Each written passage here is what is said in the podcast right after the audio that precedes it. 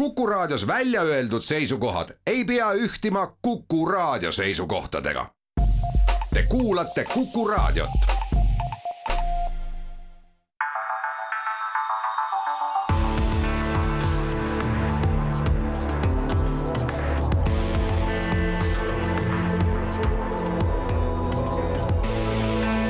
olukorrast ajakirjanduses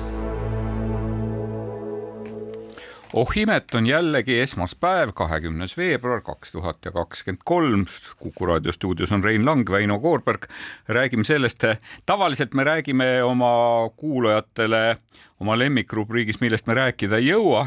aga täna me räägime siis asjadest, millest me, mida me möödunud nädalal ajakirjanduselt püüdsime nagu lugeda, püüdsime aru saada ja võib-olla teinekord ei saanud aru ka, andku hea kuulaja meile andeks et võib-olla enne lihtsalt korraks markeerin, soovin palju õnne eh, nii kõikidele pressipreemiate saajatele nii erinevates korporatsioonides kui ka Meedialiidus endas. meedialiidu peaauhinna aasta ajakirjaniku võitsid sedapuhku Ukraina sõda kajastavad ajakirjanikud eh, üleüldse, aga tegelikult konkreetselt neli inimest, Postimehe ajakirjanik Jaanus Piirsalu, Delfi meedia ajakirjanik Roman Starapopov ning Eesti Rahvusringhäälingust Anton Aleksejev, Kristjan Svirtsen, et kui raske on ajakirjaniku töö ja eriti sõja, sõjaolukorras, et soovitan lugeda laupäevasest Postimehest. Jaanus Piirsalu on kirjeldanud hetki, kus tal kogu elu on see silme eest läbi jooksnud me küll lubasime Reinuga vist eelmises saates, et me ei tahaks sõnagi rääkida Eesti Laulust, aga kuna teada on, et homme eh, Eesti Rahvusringhäälingu Nõukogu koguneb arutama äh, muuhulgas ka ERR-i aru, arengukava, aga teiste seas on väga mitmed poliitikutest Rahvusringhäälingu nõukogu liikmed lubanud üles tõstatada ka, ka sisuturunduse teema ja, ja ERR-i kui turunduskanali, siis on möödunud nädala ajakirjandus sellest teemast päris mitu korda juttu teinud ja ja põhjuseks siis tõesti Eesti Laulu ajal eetrisse pääsenud vaheklipid, mida siis juba ammu välja kuulutati, et kuna Eesti Laulu tegemiseks raha ei, ei jätku, et siis appi tuleb Tallinna linnavalitsus ja, ja annab siis viiskümmend tuhat või kuuskümmend tuhat koos käibemaksuga raha, aga selle eest tuleb kiita, kui hea on Tallinna rohepealinn. ja seda, kui hea on Tallinna rohepealinn, seda me nägime ja pärast seda rutasid kõik asjaolased kinnitama, et tegu ei olnud reklaamiga me oma saates teadupoolest ju esitasime selle küsimuse Kaarel Tarandile, kes on meie valvekoer parteide rahastamise osas ja küsisime, au, Sirbi peatoimetaja Kaarel, kus sa oled? tahaks nüüd loota, et ka Kaarel kuskilt üles leitakse ja ka see tähtis komisjon annab mingisuguse vähemalt ettevaatliku hinnangu sellele, kuidasmoodi valimiskampaaniat viiakse läbi või kel, ühe või teise partei avalikke suhteid kujundatakse läbi eh, näiteks sellise toreda asja nagu Eestimaa Laul. no aga Rohepealinna klippidest me saime ju teada, et kuidas, kuidas pääseb Tondiraba hall ja selgub, et kõige kiiremini Tallinnas pääseb sinna autoga sõites, et see on nagu läheb Rohepealinna ideega väga hästi kokku. aga väga tore oleks nüüd eh, lugeda ikkagi neid protokolle, neid Ringhäälingu nõukogu protokolle protokolle, mind huvitaks see arutelu, mida seal peetakse selle sisuturunduse üle. aga kui me eelmine kord nõutasime need protokollid välja, siis selgus, et seal ei ole nagu mitte midagi kirjas. väga üldsõnalised, no siin on päris mitme erakonna. läbipaistvuse eest võitlev ERR ei paista ise kuskilt otsast läbi. et et, et jah, see läbipaistvuse küsimus või ERR-i läbipaistvus ehk et mis põhimõtetel langetatakse mingisuguseid otsuseid, mis põhimõtetel tehakse ajakirjanduslikke valikuid, et see, et see ei ole ka üksnes ERR-i siseasi, seda ma olen ka väga kordanud, et see väga sageli ja et meedia on väga avalik asi ja avalik-õiguslik meedia on eriti avalik asi, et, et selles mõttes, et see võiks olla läbipaistev ja neid valikuid tuleks paremini selgitada. aga no sellest selgit-, seda selgitust oleme me tegelikult siin, siin ka kuulnud nagu, nagu on öeldud, et et ERR-i enda kommunikatsioon ütles, et jätkusuutlikust eluviisist rääkimine ei ole reklaam ja selle eest ei peaks olema häbi raha võtta, eks niimoodi. ja, ja ka ERR-i ajakirjanduseetika nõunik on öelnud, et tegu ei olnud reklaamiga, vaid hoiakute kujundamisele suunatud klippidega, et et no ma ei tea, mis asi on reklaam siis üldse, reklaamiseadus ütleb, et reklaam on teave, mis on avalikustatud üldtajutaval kujul tasu eest või tasuta teenuse osutamise, ürituse edendamise või isiku käitumist avalikes avalikes huvides suunamise eesmärgil, et kus me selle piiri võiksime tõmmata? see on huvitav jälgida tegelikult, mis on vahepeal jällegi muutunud, kui mõnda aega tagasi oli ERR-i poliitiline kindel seisukoht, et nemad reklaami ei tee, kuna see on keelatud, keelatud siis nüüd nad ütlevad, et ei, et nad teevad ikka reklaami küll, kui see on avalikes huvides. et huvitav, mis nagu järgmiseks et...? ei no minu, ei mitte, mis on järgmiseks, minul on kaks küsimust, minul on alati, et esiteks, et kui väga selgelt, et kui raha on vahetanud omanikku ja see ei ole olnud nagu Riigikogu, kus eelarvega on selle raha eraldanud, vaid, vaid et tegu on, et, et mis ikkagi takistab äh, erasõjakompaniil Wagner, eks ju, tähendab oma vaheklippe mingisugusesse järgmisesse saatesse saada noh, andke mulle andeks, väga liialdatud näide, aga, aga, aga tõepoolest on see ja kas siis sellest säästvast eluviisist nagu puhtalt ajakirjanduslikul moel saates ka praegu, eks ju, küllaltki spondeeritud ja kinni makstud saates Osoon rääkida eh, ei olnud võimalik ja seda tuli rääkida saates eh, Eesti Laul. No veel üks soovitus muidugi nendele kõik, kes arutavad seda arengukava, et võiks ju vaadata ka seda, et igasugune arengukava on tegelikult ju aluseks ressursside jaotamisele. et võiks ju küsida ka siis selle tähtsa juhatuse käest, et pange nüüd täpselt lauale, kui palju see Eesti Laul kõik kokku maksis ja mitte nüüd ainult üks need üheselt võetavad kulud, vaid kõikvõimalikud kulud kokku. Ja siis ja, vaadata, kas midagi järgi ka jääb et.... ja et meist muidugi ei jääks muljet, et siin istuvad kaks inimest, kes on Eesti Laulu vastased, ma ei ole, ma ei tahaks seda teravikuga üldse Eesti Laulu peale suunata, vaid ma tahaks seda teravikku suunata ka selle peale, et, et tegelikult viimane, noh, see ei ole ühtegi viimast aastat, nii kaua kui ma mäletan, on tegelikult Eesti Rahvusringhäälingut kritiseeritud just selle äh, varjatud reklaami või, või, või pisut hallil alal asuva turundustegevuse eest, ja, ja seal on toodud väga palju ko täiesti konkreetseid näiteid ja igal juhul, iga, igal puhul on meil öeldud, et tegu ei ole reklaamiga, et natukene sellesama läbipaistvuse ja, ja ka nagu avalikkusele aruandmise eh, eesmärgiga võiks siiski nagu üles kutsuda, et võib-olla siis nõukogu teeks Rahvusringhäälingule kohustuseks, et natuke seda teemat ikkagi tõsisemalt analüüsida, kehtestada selgemad reeglid no aga oleme. võib-olla see aitaks ka tegelikult nagu ütleme, see halli ala kaotamine raha liikumises aitaks võib-olla nagu, nagu asju selitada. aga oleme nüüd ikkagi realistid, mitte keegi nendest nõukogu liikmetest ei taha seda diskussiooni. kõik see tants käib ainult selle ümber, et milline on see mõjuvõimu osa mida üks või teine partei omaenda tegevuses saab siis läbi ERR-i kuidagi valgustada, nii et ja see mulle... nõuab ikka põhimõttelist muutust tegelikult kogu selles paradigmas, et see Ringhäälingu nõukogu tegeleb kommunikatsiooni äh, küsimustega. Nende küsimustega, mis on seaduses muide kirjas, et seadus kindlasti ei ole nagu ülihea, et selles suhtes võib öelda, et et kui kellelgi jätkuks vaimujõudu ja aega ja tahtmist, siis seda kindlasti saaks parema seaduse ka, aga olemasolevat võiks ka täita.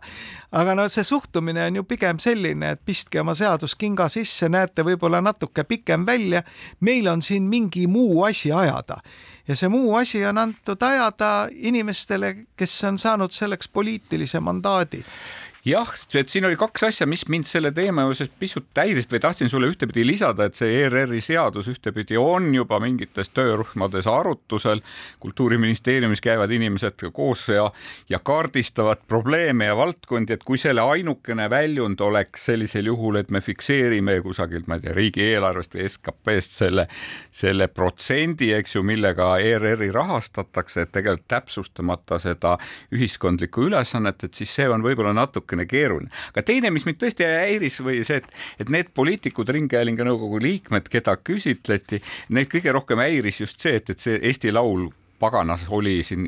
valimiste eel ja üks ka kohuke või üks roheline erakond, eks ju, sai seeläbi võib-olla teatud eeliseid, et, et hoidku taevas, et võib-olla oleks veel ka linnapea ilmunud nagu sinna ja tervitama äh, laulukonkursist osavõtjad ja publikut Tondiraba hallis, eks ju. aga, aga, aga mul veel üks üleskutse tegelikult Eesti ajakirjandusele et seda Eesti Laulu kui fenomeni peaks ju vaatama ka semiootiliselt. et mis on need märgid, mille, mis siis peegeldavad tegelikult seda Eesti ühiskonna suundumist. no võtame nüüd ikkagi need finaalis kõlanud lood kõik ükshaaval, et enamasti on küll tegemist mingi inglisekeelse pudruga, eks ole, millel noh, kultuurilist väärtust vähemalt minusugune küll ei näe. võib-olla kellegi jaoks on seal mingi väärtus, aga see on niisugune tüüpiline tasapaks euroopalik meelelahutus, millega üritatakse siis minna nii-öelda Euroopa ringhäälingu turule, et saada endale sealt mingi positsioon, mis tulevikus on võimalik rahaks pöörata, eks ole, iseenesest väga mõistetav. meelelahutustööstuse üks väga selge printsiip nüüd, mis seal rahvuskultuuriliselt on olulist, aga, aga vaatame ka neid märke.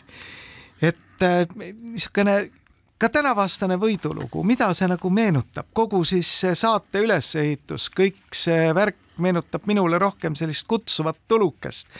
pigem mingit muud esteetikat kui seda esteetikat, mida me võib-olla tahaksime nagu lääne kultuurist sul oleks ikkagi viia. olnud ristpistes mustrid ja Kalevipoeg oleks ei, võinud ei, olla rohkem. noh, kindlasti mitte seda, ehkki ma arvan, et lauluvõistlus kui niisugune, mis annaks tulemuseks mingeid laule, mida kalurid kalurite päeval põõsa all joriseksid, see on äärmiselt vajalik, eks ole. Neid lugusid ju ei tule Eesti Laulult. Aga meie teeme siinkohal väikese pausi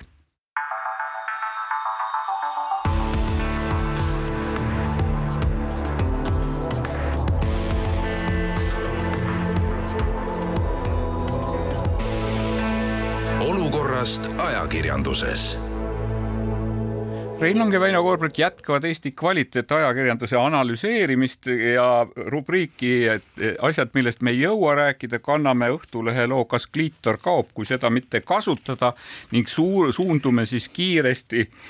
tegelikult spordimaile, et äh, ma ei tea, Rein, sinu suhted spordiga on millised arvatavasti äh, vaadates sinu sportlikku vormi, eks ju, on väga head. mina tunnistan, et sport on mulle küllaltki kauge, kuid möödunud nädalal lahvatanud skandaal kergejõustiku vallas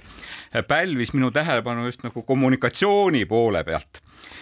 see oli üsna masendav tegelikult kõik, et kurb on vaadata seda, et spordiorganisatsioonid ei õpi omaenda kolleegide vigadest. ega siis suusatamise amortiseerimisel oli ju Suusaliidul läbi oma kommunikatiivse tegevuse väga suur roll ja nüüd siis pani täpselt samamoodi jala ämbrisse kergejõustikuliit, et no mõlemad möödunud, jalad möödunud nädala keskpaigas siis jah, Kergejõustikuliit teatas, et, et, et treener Mehis Virule on väärkäitumise eest määratud tähtajatu kergejõustikus tegutsemise keeld ja sinna lisati veel juurde osasid märksõnu, mis sund, mis tegelikult joonistasid noh, andsid kujutlusvõimele väga palju, väga palju tööd ja võimalusi ja selle peale noh, ühtepidi hakati kritiseerima ajakirjandust selles mõttes, et, et kirjutage ometi, et millest siis jutt käib, et ärge udutage, et keegi ei saa aru, ega mina ka ei saanud aru alguses, millest jutt on. et teisipidi vihjed olid, et, et, et tegu on millegi koledaga aga me ei saa sellest rääkida, me ei tohi sellest rääkida ja nii edasi ja nii edasi, niisugune klassikaline kommunikatsioonihäda, sa viskad üles vihje, sa tead, et järgnevad kümned küsimused, järelikult järgnevad kümned spekulatsioonid, versioonid, fantaasiad ja sa tegelikult ei anna piisavalt informatsiooni ja sa ei ole, sa ei ole kuidagi aru saanud sellest, et sul on võimalus, sa kas räägid sellest kõik ära või sa ei räägi sellest. et muud kommunikatsioonivõimalust ei ole olemas. ja ajadad segamini jälle järjekordselt uudishimu ja avalikku huvi ja, ja ütleme, see moment, kui nad otsustasid, et nad avaldavad valikuliselt selle materjali, mille, mis päädis siis selle otsusega üks konkreetne treener ametist kõrvaldada, eks ole siis eh, noh, see ettenägemise võime puudumine, et see toob kaasa laviini kõikvõimalikke spekulatsioone, vandenõuteooriasid, jumal teab veel mida. ja, ja loomulikult tegelikult teise... saavad haiget just need inimesed, kes haiget, kes haiget saama ei pea ja kelle eest kaitsmiseks selliseid äh, otsuseid langetatakse. no täpselt, see alles, alles meil oli üks jama, eks ole, mille tulemusena keedeti seebiks just need, keda kaitsta vaja oli, eks nii et no palju õnne muidugi jah, sportlastele nüüd eh, taas ühe tohutu saavutuse eest, aga noh, kurblooline on muidugi tõesti see, et mis siis nagu edasi saab. et eh, see, et spordis on igasuguseid kummalisi suhteid, me räägime tippspordist ja tippsport täna tänases maailmas tähendab seda, et tippu jõuavad väga vähesed ja nad peavad olema väga omamoodi isiksused ja omamoodi isiksustel on alati ka veidrusi ja mõned nendest veidrustest on seotud illegaalse tegevusega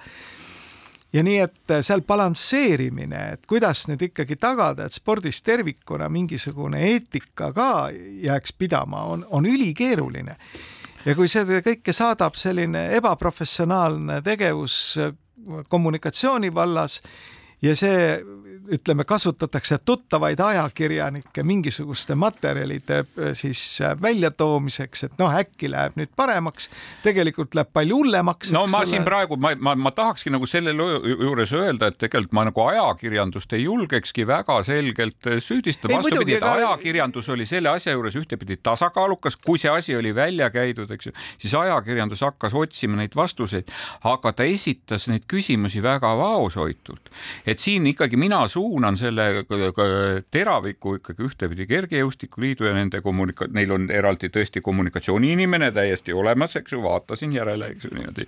et, et selle peale, et, et, et aru saada, et, et kui sul nagu on meediaskandaal, ei ole võimalik, et meediaskandaalis selles samas potis on võimalik keeta siis ühes servas paksemat ja tulisemat suppi kui teises servas, et üks pott on ta kõik, eks ju, ja nii, et ja, ja tõesti see küsimus, et millele juhtis tähelepanu ka Halliki Harro, kes on tegelikult meediaeetika ja teaduseetika spetsialist hulk aega, et ta on nagu öelnud seda, et, et meil on väga suur probleem, et meil ühtepidi on nagu eetika põhimõtted olemas, meil on eetikakoodeksid, reeglid, käitumisreeglid, aga me ei ole, et me ei ole läbi mõelnud seda, et kuidas neid reegleid tegelikus elus rakendatakse ja kuidas tegelikult kommunikeeritakse neid samu eetikaprobleeme, eetika lahe, eetikaga seotud seonduvaid otsuseid niimoodi, et vähendada seda kahju, mida, mida kõige rohkem praegu said noored sportlased, mida sai tegelikult seesama alaliidu järelkasv, noh, millest sa siin hetk tagasi ka rääkisid, et, et ja, ja, ja, ja teiseks et äh, väga oluline selle eetika teema juures on ka see, et, et, et ühtepidi, et kui, kui näed eetikareegli rikkumist, eks ju, siis mine juurde ja ütle kohe, eks ju, tähendab mitte ära kogu kümme aastat materjali, et siis selle teemaga lajatada ja lajatada niimoodi, et see eetika, eetika rikkumine nagu tooks sisuliselt kriminaalvastutuse kaasa või et nad, see, see repressioon siin, ei tohiks nagu veid, veidike sind parandada selles mõttes, et sa ütled, et ajakirjandusele pole midagi ette heita. jah ütleme sellise mainstream ajakirjandusele ei ole ka minul suurt midagi ette heita selle teema käsitlemisel. aga piiri tõmbamine nüüd selle suure meedia mille alla mahub igasugust nii kollast ajakirjandust kui sotsiaalmeediat kui igasugu muud saasta, eks ole, siis Kergejõustikuliit suutis kõige rohkem sööta, toita just seda kollast poolt, eks ole. anda talle suurepärase võimaluse kätte lahmida nii, kuidas vähegi lahmida annab. et, et see oli minu meelest ta nagu käitus jah, klikimeedia põhimõtete järgi, et eks ju, et siin ruumis on üks salajas hoitud kurjategija. me ei ütle, kes ta on, vaid mul tuli täpselt samasugune äh, lugu lugu meelde, see oli siis, kui oli Marko Mihkelsoni kaasus, siis seda lugu ju tegelikult promoti või turundati ka sellega, et me räägime, kõigepealt tuli, et nimesid nimetamata tuli üks lugu, kus nagu ehitati see koll valmis, eks ju, ja siis, et kui te nüüd loete me varsti ilmuva loo läbi, siis te saate kogu tõe teada, et täpselt samamoodi piiratud informatsiooniga on väga keeruline no loomulikult on keeruline, aga just see, et, et seda, niisugust asja on võimalik ette näha. aga kui sa juba mainisid seda järelkasvu küsimust, siis kas Kergejõustikuliidus oli ka keegi, kes mõtles, et millised lapsevanemad, kellel on teismelised tütred, nüüd saadavad oma tütred kergejõustikuklubisse trenni? selleks, et isegi kui nad arvavad, et neil on mingisugust potentsiaali, eks ole, tulevikus tippspordis läbi lüüa nii et eh, noh, üsna nukker. Ja, ja tundub, et noh, Eestis ongi see komme, et rikume ise kõik asjad ära, eks ole et näeme tohutult vaeva, veeretame enda ette mingisugust kunstlikke takistusi, hakkame neid pärast seda kangelaslikult ületama. Ja siis on tore, eks ole, kui kõik on tuksi keeratud, siis tunneme rõõmu sellest, kuidas meie sportlased saavutavad rahvusvahelisel võistlusel kolmekümne kaheksanda koha. no igatahes mina väidan jah, et, et, et tegelikult väga paljud noored sportlased said selle looga haiget, nad said ka haiget ükskõik millisena, millises rollis selles, selles skandaalis osalemisega ja tõepoolest poolest, et kõige suurem õppetund võiks olla mis tahes alaliidule, kes vähegi peab oma palgal või, või ka isegi mitte palgal oma, aga koosseisus kommunikatsiooniinimest, et, et oli see, et, et kommunikatsioon ja kommunikatsiooni juhtimine ei tähenda kellegi läterdamise tagajärgede silumist, tule kustutamist pärast, eks ju, vaid see on see teadus, kus tegelikult arutatakse läbi, et mida me ütleme, millal me ütleme, kuidas me ütleme, eks ju, ja mida me teeme pärast seda, kui kui me ütlesime, et tegelikult need plaanid peavad olema, aga väga sageli Eesti kommunikatsioonijuhid ei suuda näha ette neid, seda, mis järgneb pärast seda, kui me oma pressiteatega lagedale tuleme ja see meenutab mulle tõesti eh, Mart Laari, kui ta oli peaminister, siis ta ütles, et Eesti ajakirjandus kuidagi on joonistanud pildi Eesti poliitikutest sellisena, et neil kogu aeg male või kaardimäng käib, eks ju, ja niimoodi viis-kuus käiku on ette, ette mõeldud. et väga kainestavalt mõnes Mart Laar ütles seda, et ma võin teile kinnitada, et neid Eesti poliitikuid, kes suudaksid teise käigu ette mõelda. saab ühe käe sõrmedel üles lugeda ja mõni sõrm jääb veel üle ka selle kohta on muuseas üks vana hea ütlus, et kui mõistusega inimesed alati mõtlevad selle peale, mis homme saab, siis väik-, väiksema mõistusega inimesed mõtlevad õudusega sellele, mis eile sai tehtud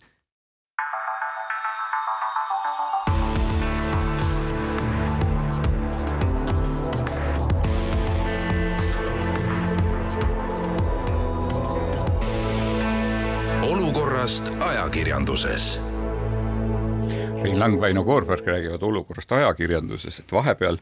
on saanud äh, natukene selgemaks see teema, mille üle me arutasime ühes, ühes varasemas saates Reinuga, et miks Reino telefoni eh, Google tassib väga veidraid uudiseid, mis räägivad sellest, kuidas Ukraina peaks kohe alla andma ja ja, ja seda teemat on natukene uurinud nüüd ka Propastop ja, ja ta on vaadanud tegelikult ingliskeelseid Eesti, ingliskeelseid lugusid Eesti kohta, mida Google oma Google Newsis vahendab ja on ja on murega tõstatanud probleemi selle kohta, et kuidas, kui kuidas nagu kergemeelselt suhtub äh, suhtub Google meie infotervishoidu, sellepärast et, et seal ta on äh, kohanud seda, et, et Google News ei, ei tee vahet tehismeedia väljaandel ja tõelisel meediaväljaandel ja tegelikult väga kergesti levitab just sedasama Kremli-meelset äh, propagandat lugusid, siin on toodud üks väga tore näide sellest, kuidas, kuidas seesama Google News levitab lugu sellest, kuidas Ukraina põgenikud on Balti riikidele suureks koormaks saanud ja, ja, ja tsiteerib päris rohkesti Balti eksperte ja kui lähemalt vaadata, siis tegu on kusagil Indias ilmunud blogis mingisuguse loone, kes esinevad siis nende, nende Baltimaade ekspertidena et Eh, kuus eksperti igast riigist on ilusasti kaks võetud, Eesti eksperdid on Allan Hantsom ja Maksim Reeva. Et eh, seda Reeva nime ma mäletan tõesti juba pronksiöö ajast, eks ju, niimoodi, et ja täpselt samasugused eksperdid on leitud Baltimaadest ja ja, ja, ja see on nüüd selle nagu see mingis mõttes nagu uudispesu ere näide, et et sellist lugu juba, kui seda Google News levitab, siis seda ka mingisugused autoriteetsemad uudiskanalid võivadki võtta äh, tõsise uudise pähe ja et see Google'i uudiste valik on väga läbipaistmatu ja see, kuidas Google defineerib uudiste, uudiste või meediaväljaannet, et, et see on pisut liiga ebamäärane ega võimalda tegelikult ei propagandakanalitel, tõelistel meediakanalitel ka siis tegelikult nagu niisugusel botidel või, või loodud meediakanalitel, võltsitud uudiskanalitel olulist vahet teha. et mida me peaks sellega ette võtma? no eelmises saates me rääkisime sellisest tublist äh, Eesti infokanalist nagu eestinen.fi jah, ja lugesime domeeniga. selle uudisvalikut ette praegu. lugesime selle uudisvalikut ette enne nalja. Te, kui me seda olime teinud eelmisel esmaspäeval, siis teisipäeval oli Google'i uudislindist Eestinen haihtunud. Nüüd täna ma just vaatasin, et oli ühe uudisega ta taas tulnud lagedale ja see uudis puudutas seda, et ühte Ukraina linna on tabanud raketirahe, ainult et see linn on täna Vene okupantide kontrolli all. Nonii, ja mis mulle jäi silma, oli see, et Google'i konkurent Meta ehk siis rahvasuus tuntud ka Facebookina kahe tuhande üheksateistkümnendal aastal muide sulges sellise grupi, mille nimi oli Esto-, Estoners, Estoners et seda ei saadudki käima panna ja seda Estonersit seostatakse sellesama Prigožini trollivabrikuga. nüüd, kui me võrdleme kahte nime. teema, millest me tahtsimegi täna rääkida tegelikult ja millest me kõik nagu lõpuni aru ei saanud, oligi siis tegelikult äh, väljaandes Poliitika ilmunud äh, artikkel. sellest kohe räägime, aga kas sind ei, ei tee nagu ettevaatlikuks, et nimed Estoners ja Eestinen on natuke nagu sarnased? Nojah, ma ju, ma päris nüüd ütleme, et seda mustrit analüseerides, eks ju, ma päris selge, selgeid ja selgesõnalisi järeldusi, mida ma julgeksin välismeedias välja öelda, veel teha ei julgeks. pöördume Viljar Veebeli poole. aga tulemegi siis nüüd tegelikult poliitiku juurde ja ja Poliitikos ilmus siis tõesti artikkel, kus on räägitud, et siis Putinile alluv eraarmee Wagneri boss Prigožin, niinimetatud Putini kokk, eks ju, plaanis eh, infooperatsiooni juba kaks tuhat üheksateist sellest, et selleks, et leida sobivad, sobi-, leida erinevates riikides sobivad äh, kuidas siis on kasulikud idioodid või lihtsalt idioodid, eks ju, kelle, kelle kaudu, kelle kaudu mõjutada siis tõenäoliselt Europarlamendi valimisi, hoiakud Euroopa Parlamendis, hoiakuid tegelikult Euroopa Liidu suhtes, eh, tehte, eh, teha teha nagu skepti-, skept-, kujundada skeptilist kampaaniat just eh, ka Eesti, ka Eesti puhul Eesti presidendi ja toonase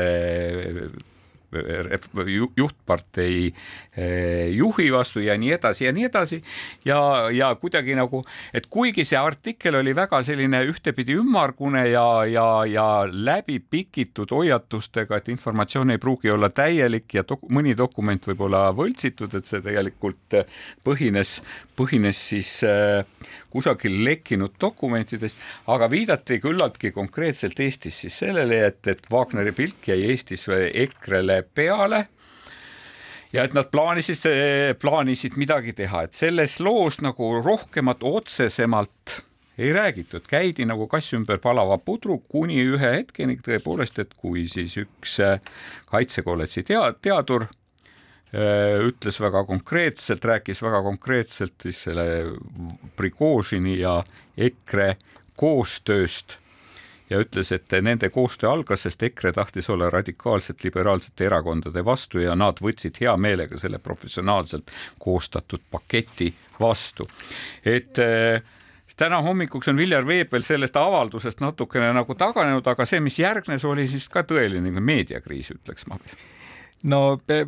esiteks me ei tohiks jätta siin muljet, et keegi Prigožin oleks sekkunud nüüd moel või teisel Eesti asjadesse et selle sae tõmbas ju käima Delfi ja paneme nime juurde, eks ole, Olger Roonemaa, kes on ise olnud osa kogu sellest rahvusvahelisest ketist, mis tegeleb kõikide nende trollivabrikute ja avaliku arvamuse mõjutamisega venelaste poolt. no Prigožin on minu jaoks ikkagi selline tavapätt, eks ole, et vaevalt, et nüüd tema tegeleb isiklikult mingisuguste avaliku arvamuse kujundamisega see on ikkagi äh, Vene eriteenistuste tegevus, mis on kanditud erafirma alla, et sellele saaks mingil moelgi noh, legaalse katuse, et Vene riiki ei seostataks sekkumisega teiste riikide siseasjadesse, siis äh, ütleme, et meil siin mingid turvamehed tegid, eks ole. nüüd iseenesest see, et Wagner omab neid trollivabrikuid, kus siis väga nutikad inimesed, kes tõenäoliselt põhikohaga töötavad mingites uurimisinstituutides, kujundavad siis mingeid strateegiaid, kuidas mõjutada demokraatiates inimeste käitumist, selle kaudu siis saavutada enda jaoks paremaid valimistulemusi, kui valimistulemused on paremad, siis saavutada enda jaoks sobivaid valitsusi,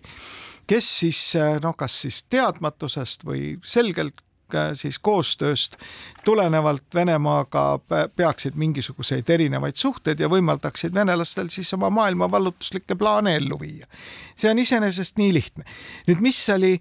mis oli huvitav vaadata, kuidas nädalavahetusel äkitselt hakati rääkima sellest, et keegi Prigožin ja Wagner äkki tegeleb Eesti asjadega tegelikult oli see ju suur Politico artikkel, puudutab Euroopa mõjutamist Euroopa Parlamendi valimiste kaudu. ja see ei ole ja... mitte esimene artikkel sellel teemal üleüldse nii viimaste nädalate jooksul, sest me oleme ju lugenud päris konkreetseid poliitikuid, keda on ostetud, keda on makstud oh, sõidutatud ja, söödetud, joodetud. pika protsessi tulemus, tegelikult on sellega tegelenud Politico ja rahvusvaheline ajakirjanike konsortsium pikka aega ja see ei ole mingi uudis nüüd, et äkitselt Wagner on siis äh, tegelenud ka kahe tuhande üheksateistkümnenda aasta äh, Euroopa Parlamendi valimistega. Eestit puudutab seal üks väike lõik ainult, eks ole, kõik see lugu on, kui see läbi lugeda, tegelikult siis võib haarata hirm küll, kuidasmoodi venelased ikkagi omavad seda, seda võrgustikku mis siis äraostmise ja isiklike sidemete ja kurat teab veel, mille kaudu üritavad koostöölepingud ja iseenesest need summad ei ole ju väga suured. aga no alati leidub demokraatiates lolle, kes sellega kaasa lähevad ja nüüd siis, kuna Eestis on valimiste-eelne periood, selline erekteeritud periood, eks ole, siis äkitselt hakkas kõik see elama nagu hoopis teistsugust elu ja kõik need, kes tahaksid valimistel meil saavutada paremat tulemust, kukkusid siis nüüd EKRE-t materdama, eks ole, et vat kuradi pätid, eks ole. EKRE tõmbas väga tugevasse kaitseseisundisse, eks ju. ja EKRE muidugi ja ütles, et meie ei tea midagi. kõike täiesti või hakkas eitama selle artiklis toodud väiteid, mis oli nagu selles mõttes naljakas, aga mulle selle meenu... asemel, et selle asemel, et no selgitada. mulle artik..., mulle meenus kohe siin Hašeki Šveigis see koht, kuidas moodi öeldakse, et meil ei vedele siin midagi, eks ole et no ütelda nüüd, et niisugust asja pole kunagi olnud, et meile pole keegi lähenenud ka see noh, see on nüüd nagu no, jällegi samasugune naivism, eks ole nüüd Politico ei ole tegelikult andnud mingisugust hinnangut EKRE-le, et EKRE oleks olnud seotud nende trollivabrikutega. no võib-olla sedavõrd, et, et nende pilk jäi peale EKRE-le, kelle nagu põhimõtted või avaldused või kelle Just. käitumine, kelle populistlik poliitika oli nagu sobiv pinnas, et see oli esimesena, kelle poole pöörduda, kui pöördumise vajadus tuleb. täpselt ja nüüd loomulikult selles valimiseelses perioodis on see nüüd nagu täpselt nagu viskaks lõkkesse mingi kanistritäie bensiini. no sisuliselt, et nagu oleks paljastatud koostööleping. päris, päris. aga mis on nüüd huvitav, oli see, et kui mina seda materjali eile veel põhjalikult lugesin, see on, minule jäi silma kaks asja, muidugi eelkõige see Vilja Ainar Veebeli äh, ütlus millele ju kõik toetuvad, eks ole. ja see on nüüd nagu ütleme, tuues paralleeli meie eelmise lõigu teemaga, et äh, kui sa viskad üles vih-, õhk, õhku mingisuguse vihje, siis sa peaksid olema valmis, et, et kas kõik või mitte midagi, eks ju. et praegusel hetkel ma nüüd ei tea, milline on meie olukord, sellepärast et, et, et Kaitsekolledži teadur on just nagu ennast distantseerinud sellest väljaütlemisest. aga tegelikult ei ole ju. aga jah, et selle asemel, selle asemel on nagu rääkinud äh, mustrite analüseerimisest. me räägime siin pealkirjast, eks ole, mis on nüüd mõeldud nagu tasandama kõike seda värki, et Viljar Veebel on ennast distantseerinud sellest hinnangust ja hinnang oli tegelikult ju tõesti no üsna selline blanketne, et jah, et EKRE-le see pakett meeldis, kuna käis nagu kokku nende arusaamadega. see oli küll vastupidi, et tegelikult, et sellele Prigožinile meeldis, kuna EKRE-l oli juba olemasolev pakett, sain küll no, niimoodi, niimoodi sain. ja sul on õigus jah, vabandust, et äh, igal juhul noh, see ei ole mingisugune tõend mingist koostööst aga nüüd tänane uudis on ju hoopiski karmim, et mida Veebel ütleb, on see, et ta tahab ennast taandada hinnangu andmisest ja ütleb, et tema asi ei ole anda hinnanguid, aga ta on pikalt uurinud käitumismustreid. Ja seletamata midagi edasi no nüüd on küll minu meelest kuri karjas, et nüüd ma tahaksin küll teada ikkagi teadlase käest, et mis mustritest nüüd siis jutt käib, eks sa tahaksid, et vahetult valimiseelsel nädalal, eks ju, tuleks teadlane välja mustriuuringuga ja selle no, põhjal sa, püstitatud hüpoteesidega. kui sa nüüd viskad välja sellise asja, eks ole, et ma olen uurinud pikalt tegelikult mingisuguseid poliitilise käitumise mustreid ja vaadanud, kuidasmoodi need haakuvad siis mingite trollivabrikutega, siis see nõuab tõesti nagu seletust nii et no vahepeal on muidugi, ma ütlen, et EKRE on jõudnud kõike eitada, pole olnud, pole näinud, ei teagi, eks ole, et kunagi mingi Prigožin on eksisteerinud. aga noh, see tänane olukord nüüd lisab ainult õli tulle ja kui ma eile õhtul siin oma märkmeid tegin selle tänase saate jaoks, siis ma muidugi mõtlesin, et huvitav, kas meist keegi ette ka jõuab ja loomulikult Oidsalu jõudiski. Oidsalu esitas täpselt sama küsimuse. et kui keegi tuleb välja mingisuguse sellise väitega, nagu tuleb välja Balti Kaitsekolledži teadur, siis noh, see nõuab nagu seletust, aga seletus on nagu kordades huvitavam. mis oli veel minu jaoks põnev, oli see, et kuidas see uudis hakkas nagu elama et Delfi, kes selle üles korjas, mis on väga loomulik, kuna nende ajakirjanikud ise osa kogus sellest värgist, eks ole, siis Postimees reageeris ja refereeris seda minu arvates väga professionaalselt, tuginedes siis sellele, mida on isegi konkurent on kirjutanud. Kirjutas ka seda, et jah, et äh, asjaomane partei ehk EKRE, keda see puudutab, on kõik selle värgi ümber lükanud ja no Postimehel ei ole nagu ajakirjanduse poole pealt mitte midagi ette heita, korrektne töö siis, aga mina vaatasin, mida, kuidas reageerib sellele Rahvusringhääling. eile kell kaks on Rahvusringhäälingu uudistelindis uudisena järgmine uudis. EKRE koolon poliitika väited Prigožini ja EKRE seoste kohta on libauudis. see tähendab, uudis ERR-i jaoks ei olnud mitte see Politico artikkel, vaid uudis oli selle ümberlükkamine EKRE poolt selle kohta EKRE vist küllap oli... saatis pressiteate välja, et, et nüüd on lihtsalt küsimus, et, et kas Rahvusringhääling oli lihtsalt ettevaatlik selle, selle teema kajastamisest, sest veel kord ütlen, et mulle tundub, et neid järeldusi, mida tehti, tõlgendusi, mida tehti ja võib-olla isegi neid kõigepealt ei teinud isegi ajakirjandus, kuivõrd tegi poliitik, poliitikaringkond, sest kui sa ikkagi näed oma selle äh, poliitilise konkurenti laia selga ja sul on üks kööginuga käepärast, sa hirmsasti tahaksid seda sinna laia selga lüüa, see pakkus valimiste eel selle suurepärase võimaluse, et, et, et me ei pea enam rääkima, eks ju, Ühtse Venemaa ja Keskerakonna koond koostöölepingust, mis vahepeal oli peatunud, külmunud ja, ja siis lõpuks pole kunagi olnud. Pole kunagi olnud, eks ju, et nüüd oli see võimalus, eks ju, lihtsalt äh, seda kuidagi teha, aga me teeme siinkohal väikese pausi ja jätkame pärast seda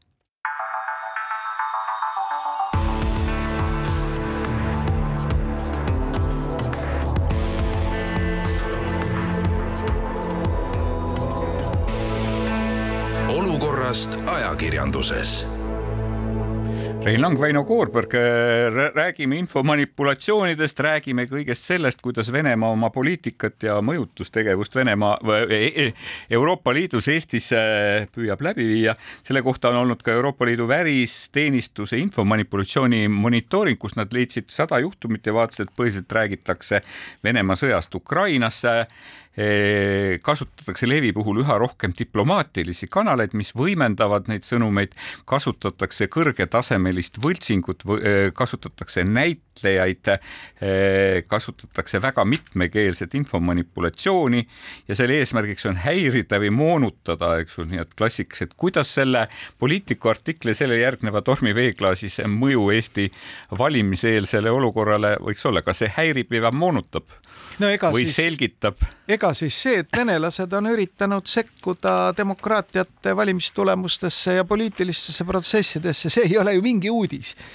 et nad on sekkunud Ameerika valimistesse, nad on sekkunud Prantsusmaa valimistesse, igal pool on nende porine jalajälg olemas. nüüd see skandaalikene, eks ole, mis Eestis nagu lahti läks laupäeval, see nõuab minu arvates nagu hästi kiiret selgitust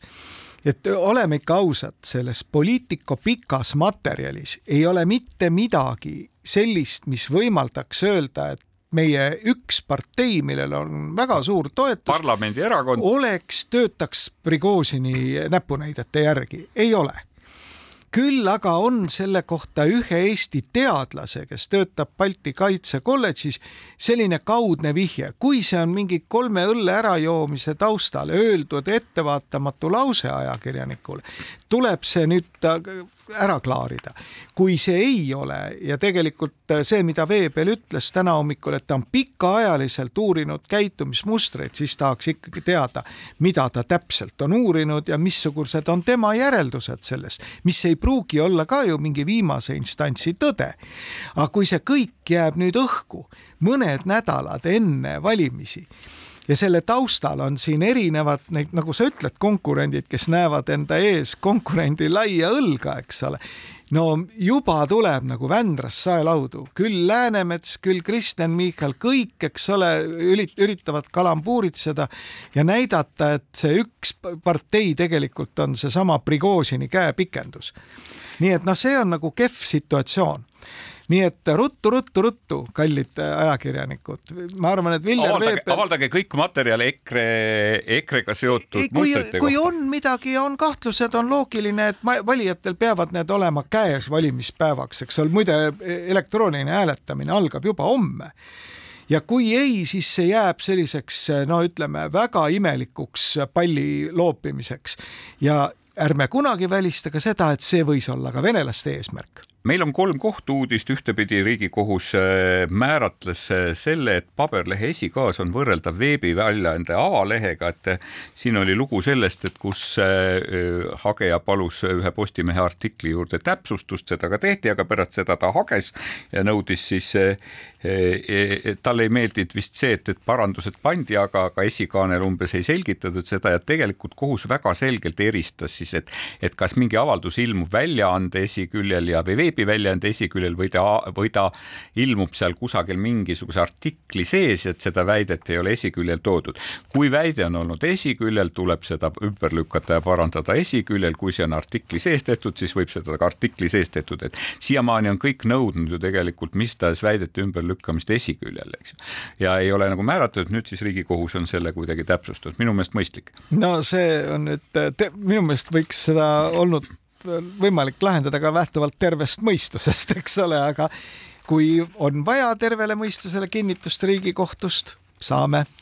päris Riigikohtuni pole veel läinud, aga ringkonnakohus on siis tegelikult ka juba mitu nädalat tagasi, sellest on räägitud ka, et on, on määratlenud, et poliitiku vanu patte tohib meelde tuletada, jutt oli siis sellest, kuidas Riigikogu liige Anti Poolamets eh, Facebookis kirjeldas toonase Rakvere abilinnapea Andres Saarda süüdimõistmisest korruptsioonis ja esimese astme kohus ütles, et, et sellest nii vanast asjast ei oleks tulnud ikkagi siin nagu ee, seda ei oleks tulnud meelde tuletada, see võib ju kahjustada poliitikut, eks ju, siis vähemalt ringkonnakohus tühistas selle otsuse ja leidis, et, et avalikkusel on põhjendatud huvi teada kõrgele ametikohale kandideeriva poliitiku varasemat tegevust, sealhulgas ka nende õigusrikkumisi. see on valimiseelsel alal alati väga väga oluline. Ja kolmas huvitav kaasus käib kohtus parajasti seda, et kas salakütiks Eh, kas ajaleht võib eh, sala, me vist varem rääkisime tõesti selle, see Juri Ustimenko juhtumit, kes hages vist Postimeest selle eest, et Postimees nimetas teda sarimõrvariks, eks ju, ta oli lihtsalt eh, juhuslikult mitu järjestikust inimest ära tapnud, eks ju, nii et, et nüüd käib vaidlus siis, et kas kaks jahimeest, kes leidsid metsast jahihoia välisel ajal kaks surnuks lastud põtra, eemaldasid neilt esi- ja tagajalad ning lasid need konserviks teha, kas neid võib nimetada salaküttideks või ei või, et ma tahaks tegelikult kaasa tunda, tahaks kaasa kaasa tunda meie kohtule. et me eelmisel, eelmises saates rääkisime küllaltki palju ikkagi narkoteemal ja tundub siiski, et, et see Pealtnägija kokaiini, kokaiini saatelõik, eks ju, osutus erakordselt, erakordselt eh, populaarseks, sest seda jälgis ligi nelikümmend tuhat silmapari rohkem kui Eesti Laulu finaalsaadet. Ma arvan, et see oli mingi tulemus, mida ka ERR ei oodanud, aga, aga see vaidlus ühtepidi läks natukene edasi selles mõttes, et kas kas ajakirjandus käitus vastutustundlikult või mitte. Ja, ja, ja siin ka Pealtnägija on ennast päris mitu korda õigustanud sellel teemal. Aga psühholoogid on öelnud, et tegelikult vaimsest tervisest valel moel rääkides võib tegelikult kurja teha ja et ajakirjanikud võiksid, võiksid alati sääraste lugude puhul anda sõna ka asjatundjatele kes nagu teavad, et neid asju, kuidas neid asju ravitakse, millised on see asja tulemused, et kui kedagi kutsutakse oma mingisugusest psüühikahäirest või, või sõltuvusest rääkima, siis peaks väga kindlalt teadma, et kas, et inimene on endaga põhjalikult tööd teinud, et ta on sellest sõltuvusest vabanenud, eks ju. Ja, ja tuleks ka mõelda sellele, et mis sellest inimesest pärast seda rääkimist saab, et, et me kõik ei pruugi olla Märt Avandid, et kus teater meisse suhtub noh, osavõtu kaastundega kollegiaalselt, eks ju, et, et tõepoolest, et kui sa oled Maxima kassapidaja, pärast seda ei lasta sind kassaaparaadi lähedale, kiivist ikkagi niimoodi. Ja, ja, ja selles mõttes on, aga, aga on tõstatatud tõepoolest päris mitu küsimust, on ka tõstatatud see, et, et tuleks hakata ka teisi sõltlasi kohtama sellise mõistmisega, nagu seda avandiga tehti. Ja Ekspressis oli, oli väga huvitav lugu Joosep Tiksilt selle kohta, et kuidas, kuidas tegelikult teised narkosõltlased on juba pelgalt oma koduse kokaiini koguse omamise eest saanud päris korraliku, päris korraliku karistuse, et mida sellega seoses ette võtta. et meie no, siin me tahaks muidugi eraldi tuua ka prokuratuuri sellise hiilgava me teada anda. et me tahaks, et me tahakski tegelikult, et mõtlesime Reinuga, et me annaks välja pealkirja preemia ja nüüd ja see läheb jagamisele prokuratuuri ja Eesti Ekspressi vahel. ja ütleme, et meie prokuratuuri võime toota uudiseid ja, ja avaldada kõikvõimalikke põnevaid seisukohti, mis pehmelt öeldes on teinekord äärmiselt üllatavad, siis seekord on nad tulnud lagedale enesekiituse tipuga.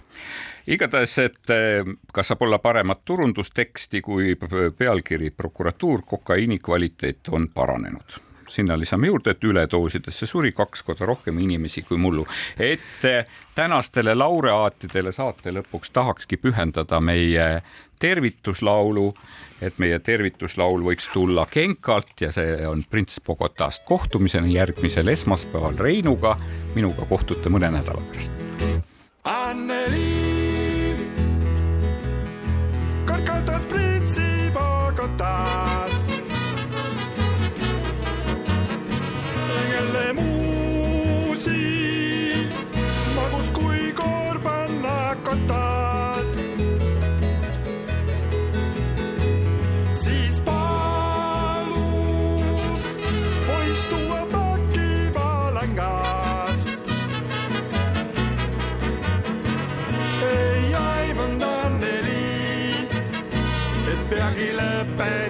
lõpetab vanglas. nüüd süüme viinad ja plaanime nekad, pakis kokaiina ja palju MDK-d. ja meil,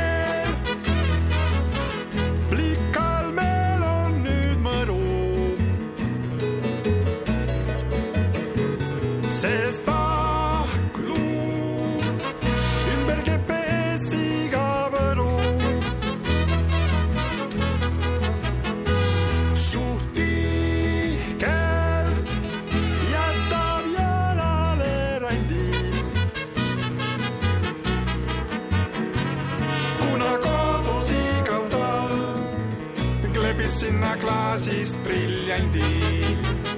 tunneb end kui printsess, sest koduvangitorn meenub intsest, mis lapsepõlves juhtus kord. ja põrgupiinad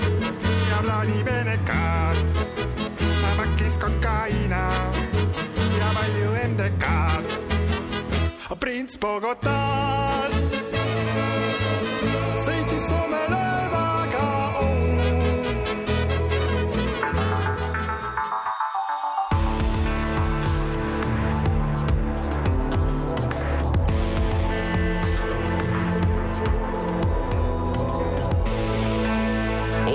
olukorrast ajakirjanduses